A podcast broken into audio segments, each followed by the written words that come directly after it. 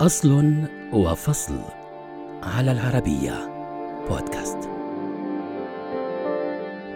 رغم أن مخترع أول محرك بخاري منع حصول أي شخص على فوائد من اختراعه، إلا أنه بمجرد انتهاء صلاحية براءة الاختراع، تسابق المخترعون على تصميم محركاتهم ووضعها في عربات غيرت شكل وسائل النقل، وأصبحت تسير على سكك حديدية، وكانت هذه بداية ظهور القطارات التي تعاقب على تطويرها مع مرور الزمن العديد من المخترعين، حتى أصبحت هناك قطارات تعمل بالقوة المغناطيسية. المغناطيسية تصل سرعتها إلى 600 كيلو متر في الساعة. بدأت حكاية اختراع أول قطار في عام 1774 بعدما تمكن الإسكتلندي جيمس وات من تصميم أول محرك بخاري وبسبب حصوله على براءة اختراع لذلك لم يسمح وات لأي شخص بالحصول على أي فائدة تجارية من تصميمه.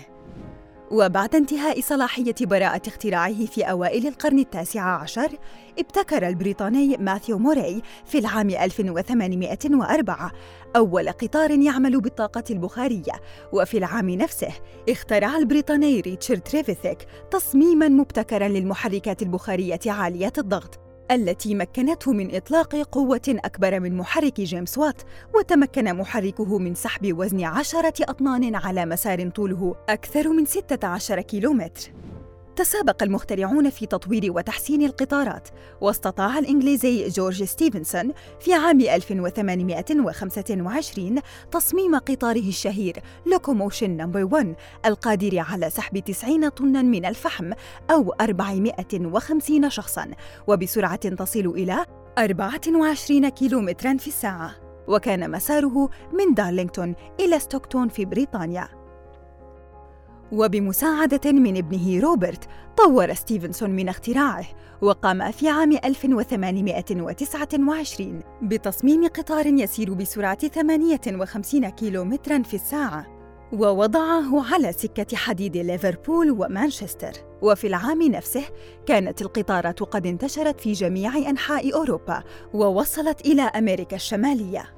يعد عام 1863 بداية ولادة قطارات الأنفاق بعدما بدأ العمل على أول خط سكة حديد تحت الأرض في لندن وفي عام 1872 حصل الأمريكي جورج ويستنغهاوس على براءة اختراع لأول مكابح هوائية أوتوماتيكية التي سرعان ما أصبحت نظام الفرامل الأساسي في جميع القطارات المستقبلية.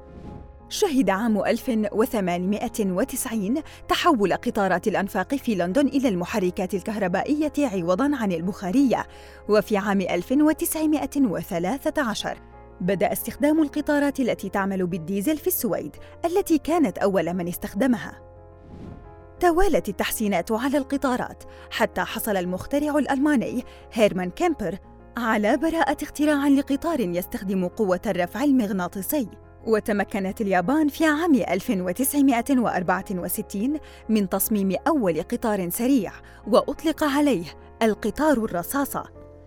فكان ينتقل من طوكيو إلى أوساكا بسرعة 160 كيلومتر في الساعة وفي عام 1979 أطلقت فرنسا أول قطار فائق السرعة تصل سرعته إلى 300 كيلومتر في الساعة. لا تزال التحسينات والتطويرات على القطارات مستمرة.